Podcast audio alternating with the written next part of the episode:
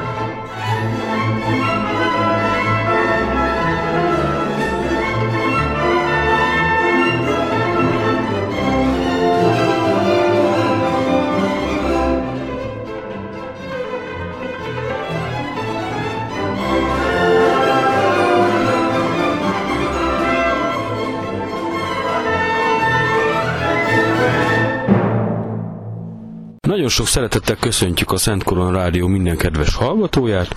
Ez itt a Hadakútján című hat történeti beszélgetős műsorunk. Soron következő 117. adása.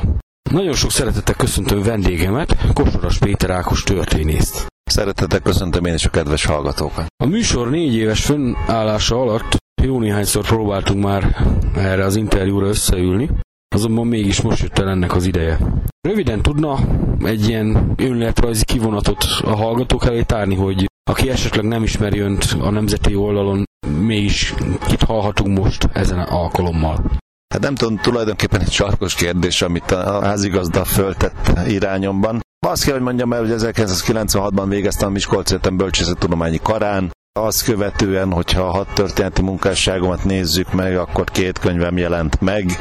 Az egyik 1998-ban, a másik pedig 2005-ben mind a kettő a második világ égés hadszintérének eseményével foglalkozott. Az első a waffen alakulatok részvételével magyarországi hadszinten, a második pedig azokkal a honfitársainkkal, akik a fegyveres SS kötelékében teljesítették katonai szolgálatukat.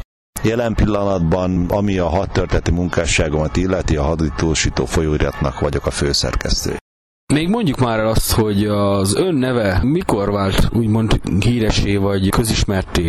Nem is a téma iránt érdeklődök, hanem úgy általában a sajtó előtt. Tulajdonképpen, hogy a sajtó előtt ismerté vagy nem ismerté, én azt gondolom, hogy a házigazdánk arra vonatkozólag tette fel a kérdését. 2007-ben volt egy hadijáték, illetve egy teljesítménytúra, amin megkívántuk jelentetni az összes egykori hadviselő fél egyenruháit, felszerelését, fegyverzetét, és a turán résztvevők a különböző állomásokon találkozhattak a második világháború hadviselő feleit képviselő hagyományozó csoportokkal.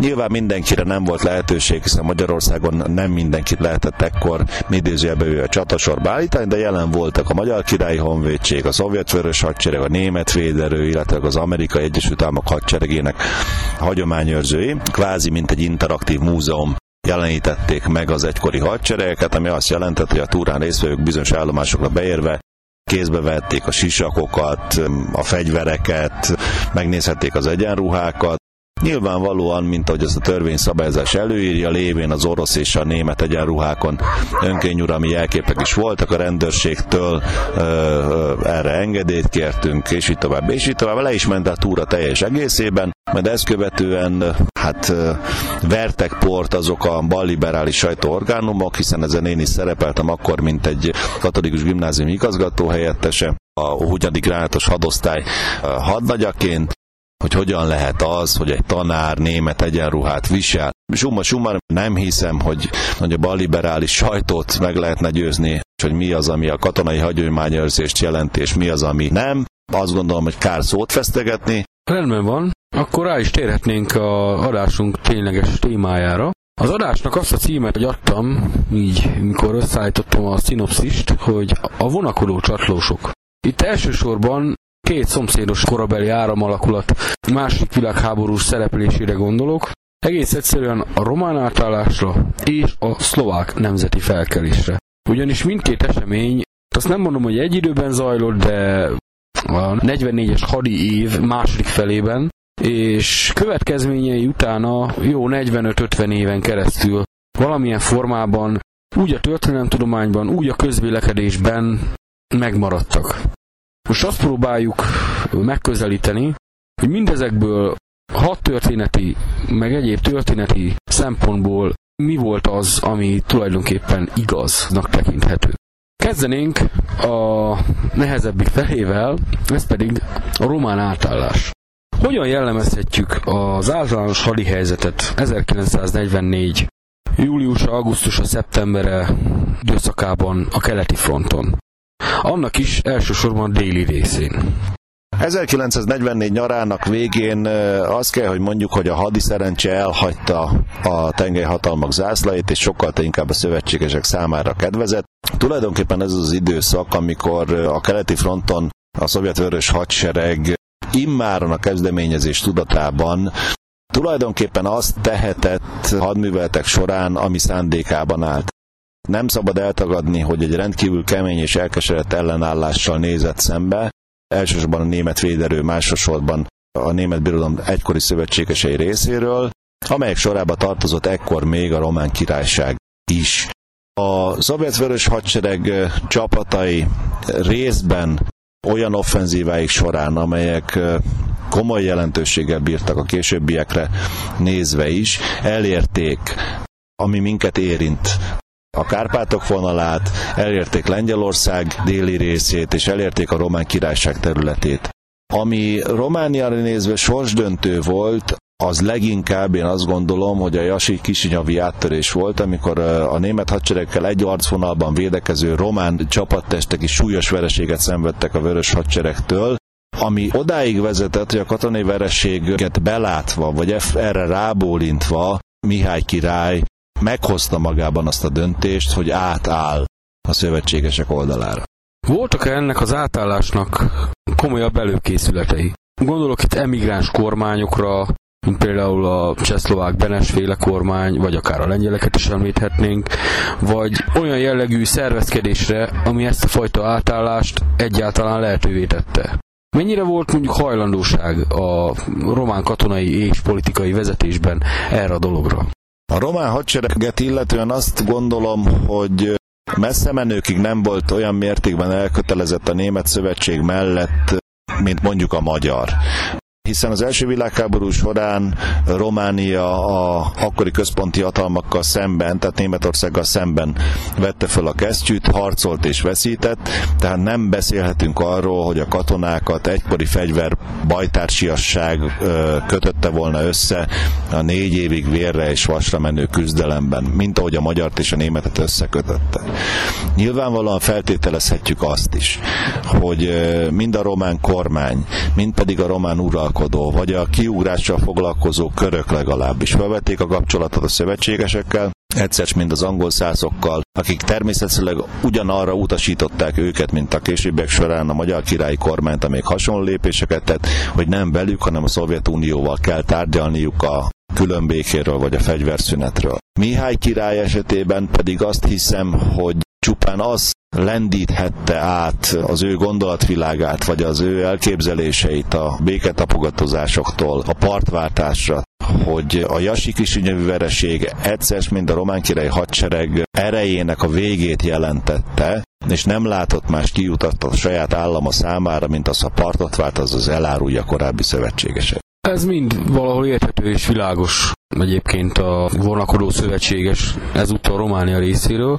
Azonban mennyire volt ez általános felfogás, vagy mennyire lett később általános felfogás? Gondolok itt arra, hogy például a román átállás augusztus 23-a a későbbiekben Ceausescu érában nemzeti ünnepként volt definiálva és ünnepelve. És azt gondolom, hogy a román lakosság nem nagyon értesült, és nem is nagyon értesülhetett ezekről a lépésekről, és nem is vagyok abban biztos, hogy Románia lakosságának a döntő többsége támogatta volna ezt a kérdést, vagy egyáltalán véleményt formált volna ezen a lépést illetően. Amikor megtörtént Románia átállása, akkor a német birodalom részéről történt kísérlet arra, hogy rádióbeszédben hívják fel a román lakosságot azért, hogy ne kövesse az uralkodó parancsát, ne árulja el a tengelyhatalmakat, és folytassa a harcát a tengelyhatalmak mellett, de hát elfelejtették Berlinben azt, hogy a regátban nem nagyon van rádiókészülék, tehát nem volt kinek hallgatni ezt a rádióbeszédet, és éppen ezért egyrészt ez teljesen eredménytelen maradt, másrészt pedig a szövetségesek oldaláról is az árulót azért árulóként kezelték.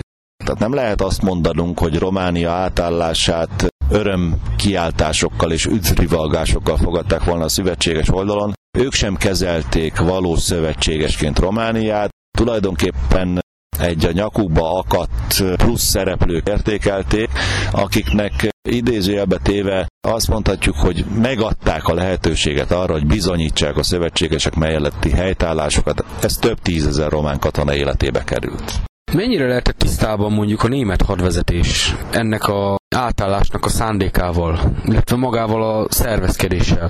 Gondolok itt arra, hogy például ha a magyar eseményeket várhozomként próbáljuk húzni, ott a gestapo gyakorlatilag mindenről tudott.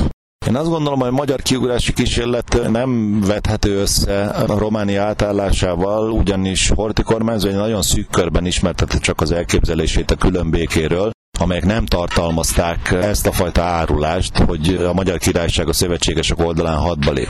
Romániánál Mihály király egyértelműen állásfoglalt azzal, hogy Antonescu marsalt és a híveit letartóztatta, tehát tulajdonképpen minden tengelybarát politikust háttérbe szorítottak vagy kiiktattak, és ezzel eldöntötték a kérdést is, amiben a román katona, még egyszer mondom, nem érzett különösebb felhangot, hogy most már a németek ellen kell harcolnia. Természetes, hogy azokat a mondjuk úgy titkosszolgálati lépéseket, és diplomáciai lépéseket nem ismerjük ától cettig, amelyek megelőzték a román partváltást. Nyilvánvalóan voltak ilyenek, meglehetősen ügyesen csinálták, a német diplomácia nem szerepelt túl jól ebben az esetben, hiszen a német nagykövet jelentései arról szóltak, hogy a román kormány megbízható, ami igaz is volt, hogyha Antonescu marsalt és a közvetlen környezetét tekintjük, hiszen a marsal nem kívánta a tengelyhatalmakat sohasem elárulni, ennek ellenére maga az uralkodó és bizonyos politikai csoportok elmentek a legvégsőkig, fölvállalva azt is, hogy szembefordulnak korábbi szövetségesekkel, és hadat üzennek a tengelyhatalmaknak. Annyi kérdésem lenne Antonescu uralmához, hogy Azért, amennyire én tudom, a németek már a háború kezdete folytán, ami Romániában 1941-től úgymond datálódik, állomásoztattak jelentős fegyveres erőket. Ha másról nem is beszélünk, csak a proesti olajmezők védelmére kirendelt légvédelmi osztagokról, de ezen kívül tartalékok, pihentetetettségek és jelentős seregtestek foglaltak itt helyet. Lényegében a háború egész ideje alatt, ha a kiúrásig számoljuk az időt. Én azt gondolom, hogy azok a német csapatok, amelyek a román királyság területén állomásoztak, azok természetszerűleg tették ezt, hiszen két szövetséges államról volt szó, amelyek valóban 41. június 22-től részt vettek a szovjet elleni hadműveletekben. A román királyság ugye közvetlen érintkezésben volt a Szovjetunióval, valóban az első pillanattól a román csapatok részt vettek a keleti hadjáratban, ami természetszerűleg azt is jelentette, hogy részben a déli front szakaszok utánpótlását biztosítandó, részben pedig egyéb katonai okok miatt német alakulatok tényleg állomásoztak Románia területén.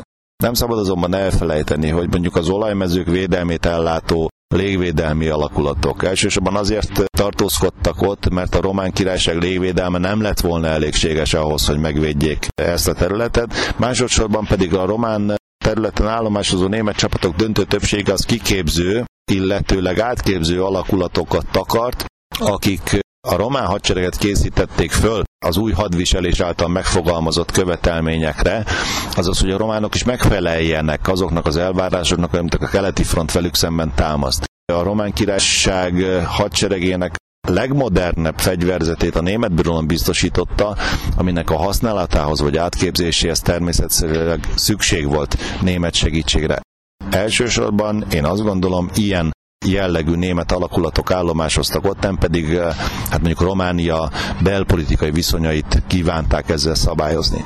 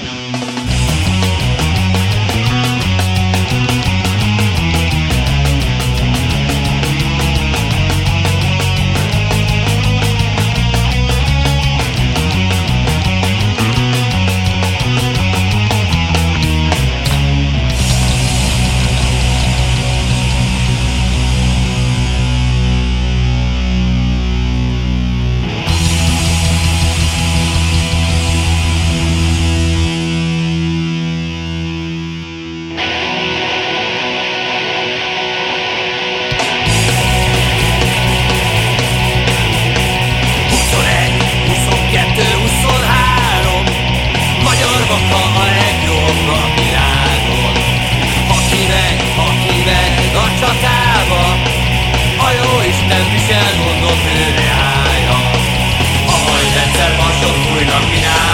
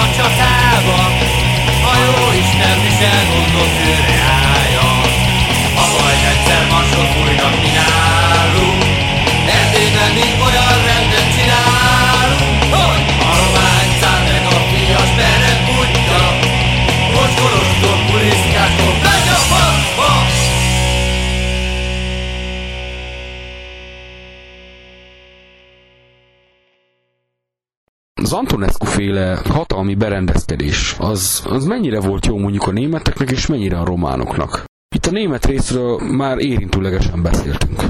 Hogy Antonescu marsal megítélése milyen ma a román közgondolkodásban, vagy milyen a saját helyén, erről elsősorban magukat a románokat illene megkérdezni, az tagadhatatlan tény, hogy Antonescu-nak és a közvetlen környezetének soha nem jutott az eszébe elárulni a Németországot, éppen ezért tartotta Mihály király szükségesnek, hogy mind a marsalt, mind a közvetlen környezetét azonnal kiiktassa, mint a, az átállás tárgyiasult.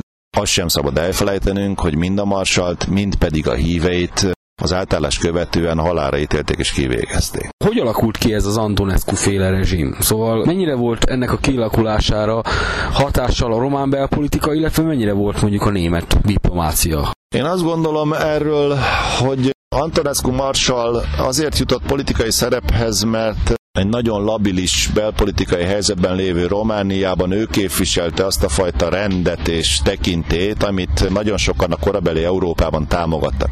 Ne gondoljuk azt, hogy Romániában volt ez így, mindenütt így volt. Ő volt az egyetlen olyan politikus, aki a román belpolitikai élet meglehetős visszásságait és magába foglaló problémákat igaz, hogy igen sarkosan, de felszámolta. Ne felejtsük el, hogy a vasgárdistákat, akik tulajdonképpen nem csak a zsidósággal vagy a magyarsággal szemben fogalmazták meg ellenérzéseiket és léptek föl, hanem az összes románai politikai párttal szemben is ugyancsak ekkor semlegesítették vagy iktatták ki nyilvánvalóan erőszakos módszerekkel, de hát ilyenkor érdemes szem előtt tartani azt, hogy a 20-as, 30-as évek Európájában, pláne a Balkánon ezek a módszerek nem értelmezhetőek a mai közgondolkodás szemével. Antonescu-t biztos, hogy nagyon sokan támogatták Romániában, biztos, hogy nagyon sokak számára valamiféle rendet és előrelépést jelentett, ugyanakkor az is teljesen természetes, hogy voltak politikai ellenfelei, de egészen 44. augusztusáig ez, hogy tömegek állnának vele szembe, és szent meggyőződésem, hogy a román lakosság lévén nulla infrastruktúrával rendelkezett. Nem is nagyon értesült arról, hogy mi történik Bukarestben, mindenről vajmi keveset tudhatott, mind a román belpolitikai küzdelmekről, mind a román király szándékáról, mind tulajdonképpen arról, hogy mi az, ami a hatalom csúcsán történik. Románia szerepe mennyire volt stratégiai kérdés a háború végének eldöntése szempontjából? Itt egészen konkrétan a poes tulajmezőkre gondolok. Nyilvánvalóan az olajmezők kérdése bírt bizonyos stratégiai vonatkozásokkal, de hogyha figyelembe vesszük azért azt, hogy a német hadigépezet 45 tavaszáig képes volt működni, miközben már 41. augusztusában elvesztek a romániai olajkészletek, akkor azt kell, hogy mondjam, hogy döntő jelentőséggel természetesen nem bírt. Románia sem bírt ilyen értelemben stratégiai jelentőséggel. Számunkra, magyarokra nézve volt rendkívül fontos, hogy Románia átállása megnyitotta a frontot a szovjet csapatok előtt, és nagyon hamar fölzárkózhattak a Kárpátokra. Itt beszéltünk arról, hogy a román lakosság, illetve az egyszerű román katona hogy értékelte ezt a fajta átállást. Arról viszont nem beszéltünk, hogy történésekben hogy nézett ez ki. Itt elsősorban a Jassi Kisinovi katonai helyzet, illetve az Észak-Erdélybe való visszavonulás, és a magyar-román határszakaszon történt villogások az érdekesek. Maga az átállás kronológikus sorrendben nem tartalmaz különösebb eseménysort, hiszen augusztus 23-a az a nap, amikor majdhogy nem minden megtörténik, király ugye magához szivatja Antonescu marsat, majd közli vele, hogy különbékét köt, a marsat letartóztatják, híveivel együtt lefogják, és ekkor már egy előre megírt forgatókönyv szerint kimennek a parancsok a román király hadsereg csapataihoz, hogy nyissák meg a frontot a szovjet csapatok előtt. Úgy, ahogy egy katonának ezt egyébként végre kell hajtani, végrehajtják a felülről jövő parancsokat, hiszen, és ez fontos hangsúlyozni, nincs bennük olyan fajta meggyőződés, vagy olyan fajta érzés, hogy elárulnának valakit is, hiszen a román katona gondolatvilágában az szerepelt, hogy a Krímben is Erdélyért harcol, neki az oroszok legfeljebb Besszarábia miatt lehettek ellenségek, de nem érezte ugyanazt a terhet, amit mondjuk a magyar honvéd érzett Romániában nem ez volt a közgondolkodás. A románok számára elsősorban az ellenség, a Magyar Királyság és Németország voltak, akikkel most valamilyen úton, módon egy szövetségi rendszerbe kerültek. Tagadhatatlan tény, hogy Beszarábiáról úgy vélekedtek, hogy azt felszabadítják, és a Krímig elmentek harcolni a német érdekekért, de ennek ellenére nem érzik a Maukének ezt a háborút, nem érzik a Maukének a korábbi szövetségeseiket, nem okoz a számukra gondot az, hogy a magyar vagy a német hadsereggel szembeforduljanak. Nagyon hamar és nagyon gördülékenyen lejátszódik ez az eseménysor, azt kell, hogy mondjuk, hogy a 24 órás időintervallum elegendő ahhoz, hogy Románia partot váltson. A Jasikisügyavi hadműveletek során az ott állomásozó német, illetve román hadseregek meglehetősen súlyos vereséget szenvedtek el, ami elsősorban azzal járt, hogy a román arcvonal a szovjetek áttörték az addig velük szemben álló védelmet. Ez arra kényszerítette a romániai térségben, vagy hát az ebben a térségben tartózkodó német csapatokat, hogy visszahúzódjanak értelemszerűen a Magyar Királyság irányába.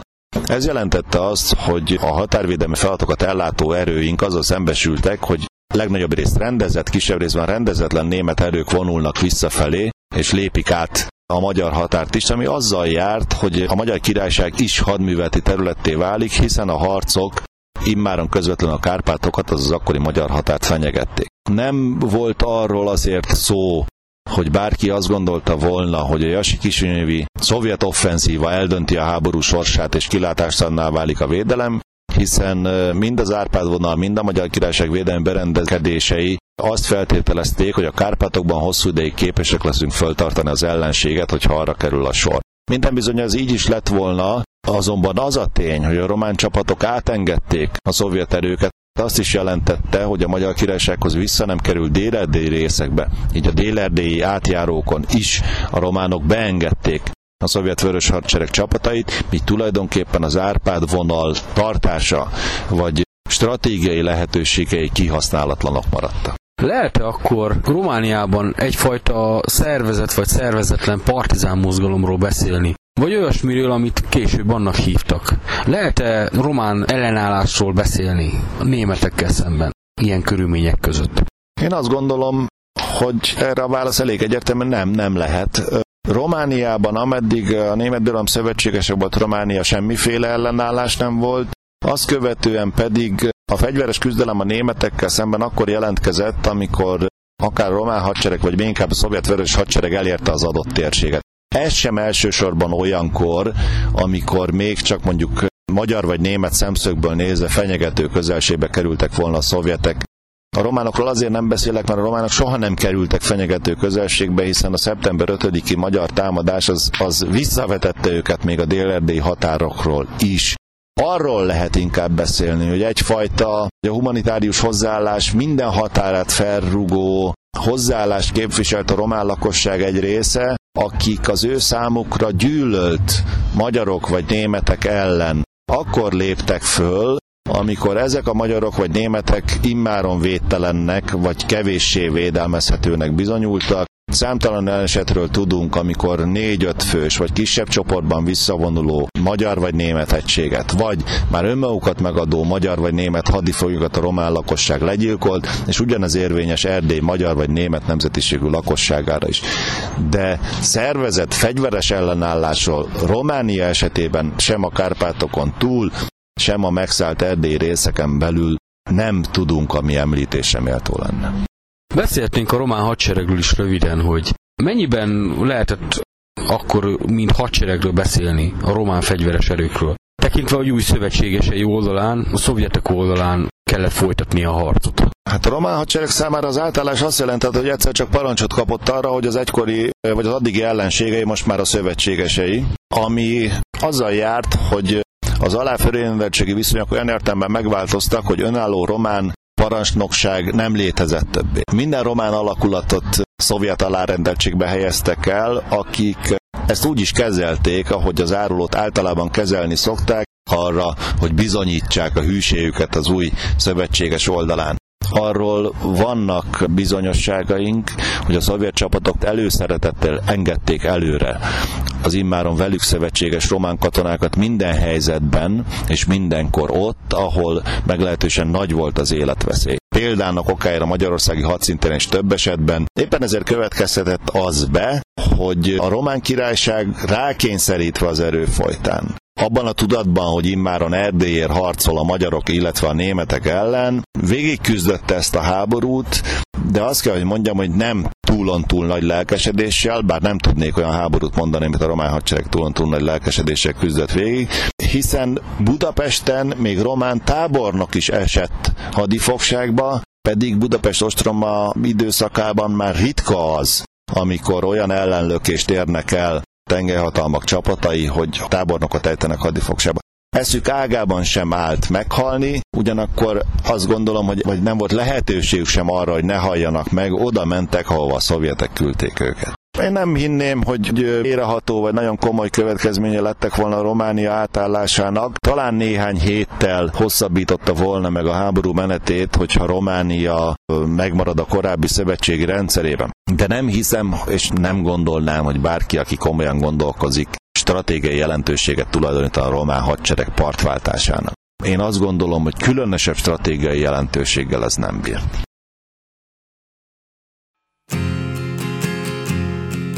Szíperdi ország nagy hegyei alján Nyílik sok apró kis tarka virág. Sok vitéz székely hősies harcán Buzdul a nép, s a rögre vigyáz Bört áll a végen, pallós kezében, a másikkal rendre dönti a kalászt. Egész színével, egész lelkével védi az édes, szép magyar hazát. Érted élünk csoda szép országunk,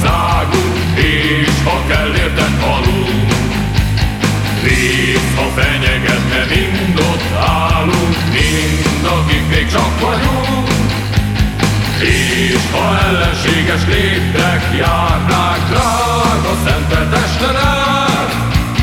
Száz halál meg, te érted, esküszünk mi székelyek.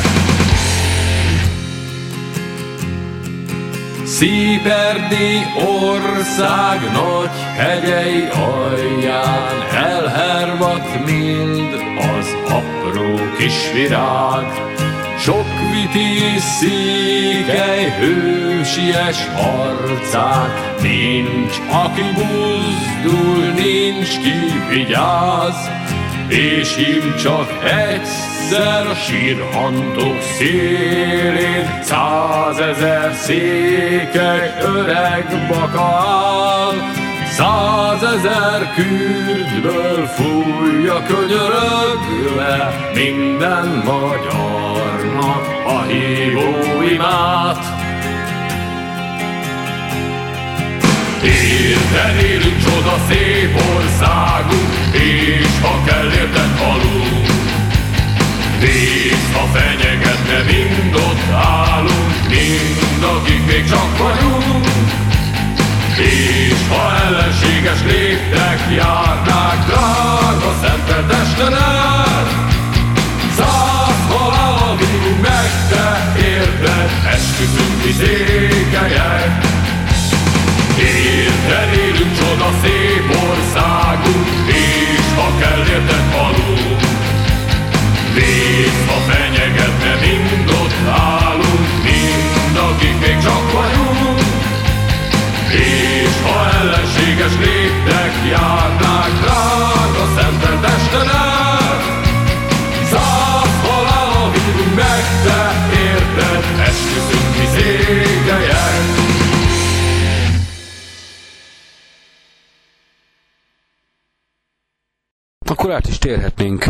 A másik vonakodó szövetségesre, csatlósra, ez pedig Szlovákia.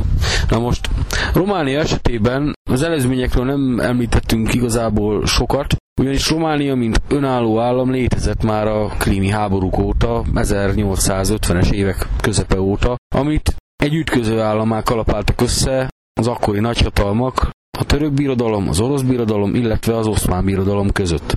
Szlovákiánál annyiban más ez a fajta fölállás, hogy Szlovákia nem létezett egészen 1939-ig, mint állam. Előtte is csak mint Csehszlovákia része. A visszacsatolt területeket, hogyha vesszük, illetve a szlovák-magyar kisháborút, aminek szintén volt egy másik adásunk, itt azért valamivel érdekesebb a helyzet. Már csak azért is, mert Szlovákia és Románia hasonlóan erejéhez mérten jelképesen részt vállalt a németek keleti hadjáratában, sőt, amennyire én tudom, még Lengyelország lerohanásában is. Azonban a Tiszóféle Szlovákia mennyire volt tekinthető hűséges vagy vonakodó csatlósnak? Hát a Tiszóféle Szlovákia, aminek utána az állami létét a német birodalmak köszönhette, egyáltalán nem tekinthető vonakodó csatlósnak, tehát mindent megtett, amit a német birodalom elvált tőle. Éppen ezért fordult elő az is, vagy hát a valóságos tény, hogy a Lengyelország elleni hadjáratban szlovák csapatok már részt vettek. Tehát Szlovákia 1939. szeptember 1-ével résztvevője a második világégés történésének, nem nagyon szokták fölemlegetni, hiszen ma már nem ennyire büszkék erre, de ők részei voltak a Lengyelországot lerohanó német csapatoknak is. Azt gondolom, hogy maga a szlovák államiság, amik valóban mindenféle történelmi gyökeret nélkülöz, eltekintve a 19-es szlovák tanácsköztársaság néhány napos lététől, semmilyen formában nem tudott, és nem is tudom, hogy, hogy valaha majd tud-e önálló döntéseket meghozni. Ez nem azt jelenti, hogy a szlovák nemzet ne tudott volna önállóan gondolkozni, hiszen a 20-as években még voltak olyan szlovák kísérletek, olyan elképzelések, azt vázolták föl, hogy a cseh elnyomás ellen akár még a magyarokkal is újra hajlandóak összefogni. Ennek ellenére a cseh és szlovák konfliktusok valóban odáig vezettek, hogy 1939-re olyan mértékben kiéleződött a helyzet, hogy Csehszlovákia megszűnésével ők az állami önállóság útjára léptek, de úgy, hogy ezt az önállóságot a német birodalom garantálta a számukra. Mennyire volt hasznos szövetséges ez az újonnan létrejött klerikál fasiszta, ahogy utólag mondják, szlovák állam a német birodalomnak? Ennek a megítélése azért nehéz, mert minden szövetséges nyilvánvalóan hasznos szövetséges, még a legkisebb is. Szlovákia ezek közé tartozott. Tehát indokolatlan lenne azzal vádolni, hogy a német birodalom nagy szövetségesei közé sorolnánk a szlovák államot, társadalompolitikai berendezkedése, az a politikai kultúra vagy struktúra, ami működött, egyértelműen a német mintát követte. A szlovák hadsereg nem képezett jelentős erőt a második világégés során, soha nem is beszélhetett és nem is beszélhet senki arról, hogy a szlovák hadsereg bármiféle döntő szereppel bírt volna a második világháború küzdelmeiben. Hogy a szlovák gazdasági háttérre, vagy Szlovákiára, mint hátországra mennyire támaszkodott a német birodalom, Erről azt gondolom, hogy nem szerepel a német jelentésekben előkelő helyen Szlovákia, nem nagyon vették számításba ezt az államot a szövetségesek sorából, de tagadhatatlan tény, ha már egyszer Berlin vállalta fölötte a védnökséget, akkor mint szövetségest is el kellett fogadni. Igen, és hogyha azt hozzátesszük, hogy azért ebben a Szlovákiában nem volt annyira rossz élni, például ez a szlovák állam rengeteg hadipari megrendelést kapott, majd, hogy nem cseh mintára a német birodalomtól, vagyis gazdaságilag is, politikailag is elősen hozzá volt kötve. Hogy történt meg mégis az, hogy a háború vége felé mégiscsak partot váltott, vagy partot váltotta egyáltalán Szlovákia? Vagy Csehszlovákia? Vagy hogy lehet ezt a kérdést kezelni? Mert itt, itt vannak államok, amelyek megszűnnek, angol száz és német beleegyezéssel, majd valahogy mégiscsak visszatérnek a 47-es békeszerződésen. Szóval ezt, ezt, a fel, ezt az ellentmondást valahogy próbáljuk már meg a hallgatók előtt feloldani. Hát ez egy nagyon nehéz feladat, mert a nagyhatalmi döntéseket nehéz a hallgatók előtt feloldani, és a nagyhatalmak eldöntik, hogy mit szeretnének, ezért jött létre Csehszlovákia, és ezért jött létre ismételten Csehszlovákia a másik világháború után illetve ezért is bomlott föl aztán majd Csehszlovákia 90-es éveket követően. Én azt gondolom, hogy nem szabad 39 és 45 között Csehszlovákiáról beszélni, nem csak azért, mert egy nem létező államot emlegetnénk, hanem azért is, mert a szlovák közgondolkodásban, ugyanúgy, mint a cseh közgondolkodásban élesen elválasztották egymástól egymást. A szlovák nem akar cseh lenni, a cseh pedig nem akar szlovák lenni csehek ugye, mint a Csemorva protektorátus ekkor messze menőkig nem azt a, a ellenálló és partizán szerepet töltötték be, amit 40 után maguknak vindikáltak, és nem szabad azt sem elfelejtenünk, hogy Reinhard Heydrichet Cseh-Morvaország német protektorát nem cseh partizánok, hanem Angliából ledobott cseh partizánok gyilkolták meg, akiket csehek adtak föl a németeknek, sőt, hogyha megnézzük a korabeli filmiradókat, amikor Heidriket temetik, akkor a prágai Venceltér tele van csehekkel, akik búcsúztatják a protektor, és a cseh államelnök, Háha, illetve a cseh nemzet egy kórházvonatot ajánlott fel a német birodalomnak Heinrich emlékére. Tehát ezek egy összetett kérdés, amikor a háború alatti, meg a háború utáni történéseket kezeljük. Szlovákia esetében egy abszolút bábállamról kell, hogy beszéljünk. Nem hiszem, hogy a szlovák kormány tudon túl sok önálló döntést tudott volna meghozni 39 és 45 között.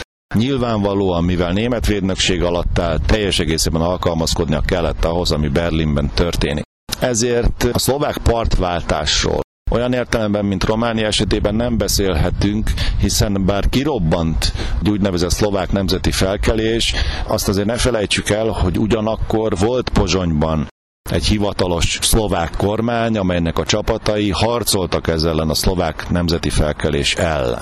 Volt-e olyan partizán mozgalom Szlovákia területén, amit, mint ahogy megbeszéltük, Románia területén egyáltalán nem volt. Amire később lehetett alapozni egy ilyen felkelést. Én azt hiszem, hogy ilyenről Szlovákia esetében nem beszélhetünk. Természetesen voltak partizán csoportok, ezeket vagy London, vagy Moszkva finanszírozta. Túlon túl nagy jelentősük nem volt, komoly német vagy magyar erőt nem kötöttek le.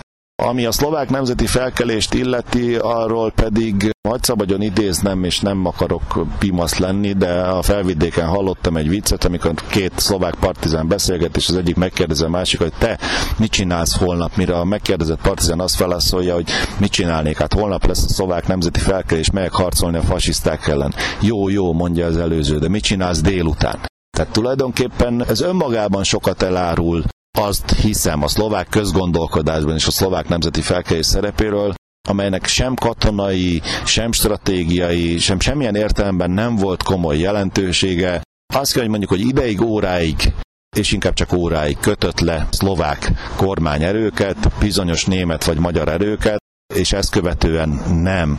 Az természetes, hogy minek utána a háború kimenetele úgy dölt el, ahogy eldölt 1945-ben, a ma Szlovákiája és a szlovák politikai struktúra úgy gondol erre a felkerésre, mint egy jelentős küzdelemre, bár fejet hajthatunk a szlovák nemzeti felkelés résztvevői előtt, azt be kell, hogy lássuk, hogy ennek komoly jelentősége történelmi szempontból nem volt. Volt-e számottevő szovjet és vagy angol száz támogatás emögött a felkelés mögött? Gondolok itt ledobott ejtőernyő szállítmányokra, vagy mondjuk angol száz vagy szovjet oldalon létező reguláris vagy irreguláris csapatokra. Természetesen volt, hiszen a, a szövetségesek érdekében állt, hogy minden olyan momentumot kihasználjanak, amelyik a német birodalmat és az ő szövetségeseit gyengíti, de ez elsősorban kimerült valóban a levegőből érkező utánpótlásban. A szlovák nemzeti fölkelésben résztvevő csapatok döntő többsége nemes egyszerűsége a szlovák hadseregből dezertált alakulatokból tevődött össze, lett légyen szó akár gyalogságról, akár légierőről. Itt nem gondolhatjuk azt, hogy olyan nagyságrendű fegyveres ellenállás bontakozott volna ki, mint a lengyel honi hadsereg, Sőt azt gondolom, hogy ha a lengyel honi hadsereg egykori tagjai számára azt vetnénk föl, hogy hozzájuk hasonlóként mérjük a szlovák nemzeti felkelést, hát a lengyelek megsértődnének. Igen, mert a lengyelek azt kapták jutalmul a háború után, amit mi büntetésül. Úgyhogy ez valahol érthető is. Mégis, hogy lehet az, hogy például a jelenlegi Szlovákiában is ez nemzetünnepként működik? Amikor végső soron nem a saját nemzeti függetlenségüket vagy akarták kivívni ezzel, hanem csupán a csehszlovákiai quo állították vissza, ami a háború előtt volt. Szóval ez, ez egy ilyen teljes ellentmondás véleményem szerint. Hát azt hiszem, hogy a jelenlegi Szlovákiának sok minden az érdeke, az, hogy Csehszlovákiát visszaállítsa, az eszébe sem jut. Nyilvánvaló, és itt azért azt gondolom, hogy engedtessék meg, hogy gondolkozzunk az ő fejükkel. Ha mi lennénk szlovákok, akkor nyilvánvalóan kapaszkodnunk kell olyan történelmi emlékekbe, amelyek egyáltalán felsorolhatóak. Tehát nem egyszerű helyzet olyan nemzet tagjának lenni, amikor egy ország fővárosába jelen esetben megérkezik mondjuk egy Ausztrál, Pozsonyba, és mi vagyunk a szlovák vendéglátó, és meg akarja nézni a királyi várat, és kénytelenek vagyunk azt mondani, hogy igen, az a királyi vár, és ott laktak a szlovák királyok, nem, ott a magyar királyok laktak. Ha ilyen állampolgárai lennénk, ahol nem tudunk mutatni tulajdonképpen olyan történelmi emléket, amelyik valóban a mi állami létünket igazolja, akkor én azt hiszem, hogy megengedhető, hogy mindenbe belekapaszkodjunk, amiben bele lehet kapaszkodni. Ez véleményem szerint is így van. Annyit kérdésem van még, hogy a, mind a román átállás, mind a szlovák nemzeti felkelést, ha más alapon nem is, egy alapon mindenféleképpen közös nevezőre tudjuk hozni, ez pedig a magyar ellenesség. Mennyire játszott ez szerepet egyik vagy másik felkelésben? Hát abban mindenképpen egyformán nyilatkoztak volna a résztvevők, hogy az általuk kevéssé szeretett nemzetek sorában előkelő helyen említették volna a milyenket, a magyart, de hogy a magyar ellenesség vezette volna bármelyik lépést is, hogy ez döntő szereppel bírt volna, azt nem hinném. Az igen, hogy mind a szlovákok, mind a románok az ellenség képüket Magyarországban látták ez egészen bizonyos. De hát ők is tudták azért, hogy a háború kimenetelét nem a kisállamok, hanem a nagyhatalmak döntik el, ezért következhetett az be, mint hogy be is következett, hogy a nagyhatalmak, ha akarnak, úgy döntenek, hogy a velük szövetséges lengyelek is pontosan ugyanazt kapják jutalmul, mint a vesztesek büntetésül. Voltak-e magyar résztvevői ennek a két átállásnak? Gondolok itt elsősorban a délerdélyi magyarokra, akik így vagy úgy a román hadsereg kötelékében, vagy a szlovákok közül, akik vagy a szlovák államhatalom részéről, vagy akár a felkelők oldalán részt vettek. Nyilvánvalóan voltak, hiszen a délerdélyi magyarság a katona idejét a román királyság hadseregbe kellett, hogy letöltse. És nyilvánvalóan voltak a felvidéken is, hiszen a föl nem szabadult felvidéki országrészek lakossága a szlovák katona volt. Hogy ezek közül számarányában mennyien fogtak fegyvert mondjuk a nemzeti felkelés, és menjen a kormánycsapatok oldal Szlovákiát illetően, ezt én nem tudom. Nem hiszem, hogy bármelyik oldalon is sütötte volna el a rábízott karabét, bármelyik magyar honfitársunk azt szívesen tette volna meg. Ugyanakkor feltételezem, hogy igen kis létszámban lehettek a szlovák nemzeti felkelés oldalán magyar nemzetiségű szlovák állampolgárok, és abban egészen biztos vagyok, hogy a román átállás előkészítő érintettek körében pedig egyáltalában nem voltak magyarok. Nem hiszem, hogy Mihály király valaha is megbízott volna magyar nemzetiségű politikusokban vagy döntéshozókban, és ugyanezt gondolom érvényesnek a román politika döntéshozóra is. Az tény, hogy a román királyság hadseregében szolgáltak magyar nemzetiségű polgárok, akik közül jó néhányan, ahogy tehették, dezertáltak és átszöktek a magyar határokon túlra. Kivált kép a partváltás követően Ennél még lényegesen nagyobb azoknak a száma, akik a frontok gyors mozgását kihasználva hagyták el Román Királyság hadseregét, öltöttek civil ruhát és tértek haza. Rendben van. Én nagyon szépen köszönöm a műsorba való részvételt. A műsor letölthető a letöltések rovatban, ugyanitt meg is hallgatható lesz, illetve ismétlések formájában a műsorúságban írottak szerint szintén meghallgatható lesz. A jövő heti és a legközelebbi viszont hallásra. Én is köszönöm, és a lehető legjobbakat kívánva a hallgatóknak viszont hallásra.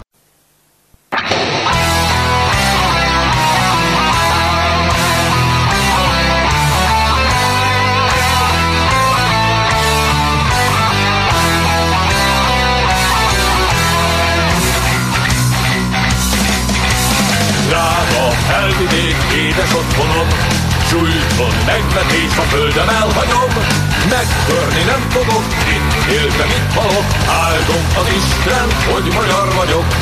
Megtörni nem fogok, itt éltem, itt halok, áldom az Isten, hogy magyar vagyok.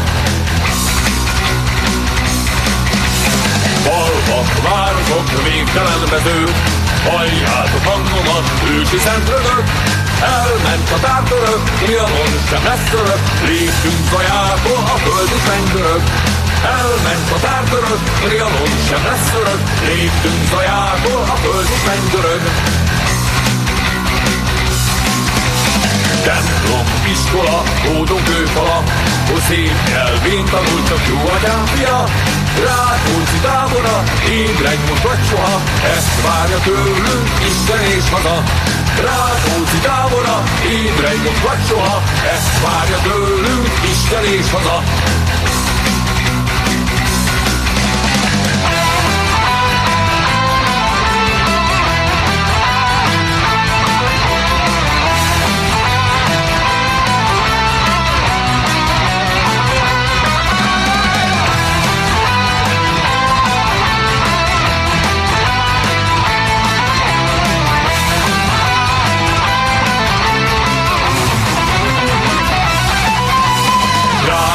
Felvidék, édes otthonod, Sújtson megvetés a földem elhagyom, megtörni nem fogok, itt éltem, itt halok, áldom az Isten, hogy magyar vagyok.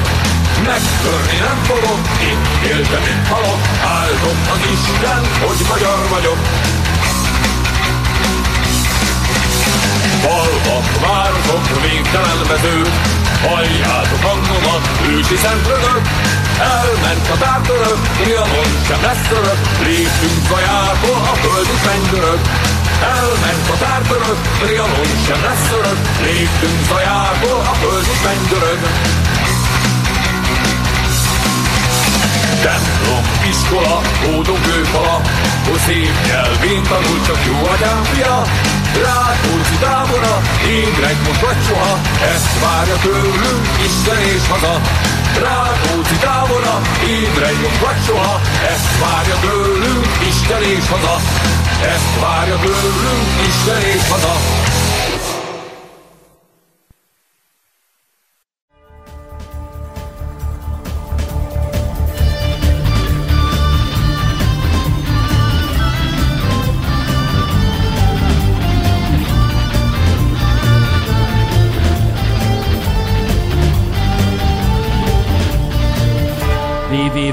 www.szentkoronarádió.com A tiszta magyar hang.